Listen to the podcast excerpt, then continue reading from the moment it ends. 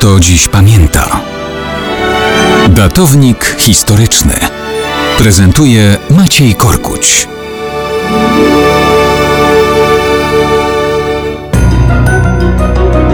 Mało kto dziś pamięta, że w październiku 1469 roku zawarty został związek małżeński pomiędzy charakterną córką króla Kastylii i Leonu Jana II Izabelą i następcą tronu Aragonii Ferdynandem. Kastylia i Leon to centrum i północna część Półwyspu Iberyjskiego nad Zatoką Biskajską. Królestwo Aragonii to cała północno-wschodnia część półwyspu między Pirenejami a wybrzeżem Morza Śródziemnego. Ojciec już nie żył. Władcą Kastylii i Leonu był przyrodni brat Izabeli, Henryk IV, zwany Bezsilnym. Izabela była już mocno uwikłana w wir rywalizacji politycznej. Zbuntowani przeciw Henrykowi magnaci popierali rodzonego brata Izabeli, Alfonsa. Ogłosili go królem. Rozpoczęła się nawet wojna domowa, ale Alfonso zmarł. Więc możni postawili wszystko na Izabelę jako następczynię tronu.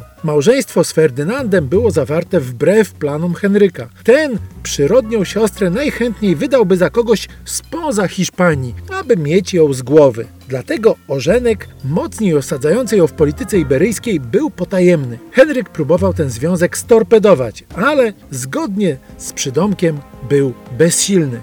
Kiedy po kilku latach zmarł, sprawa się łatwo rozstrzygnęła.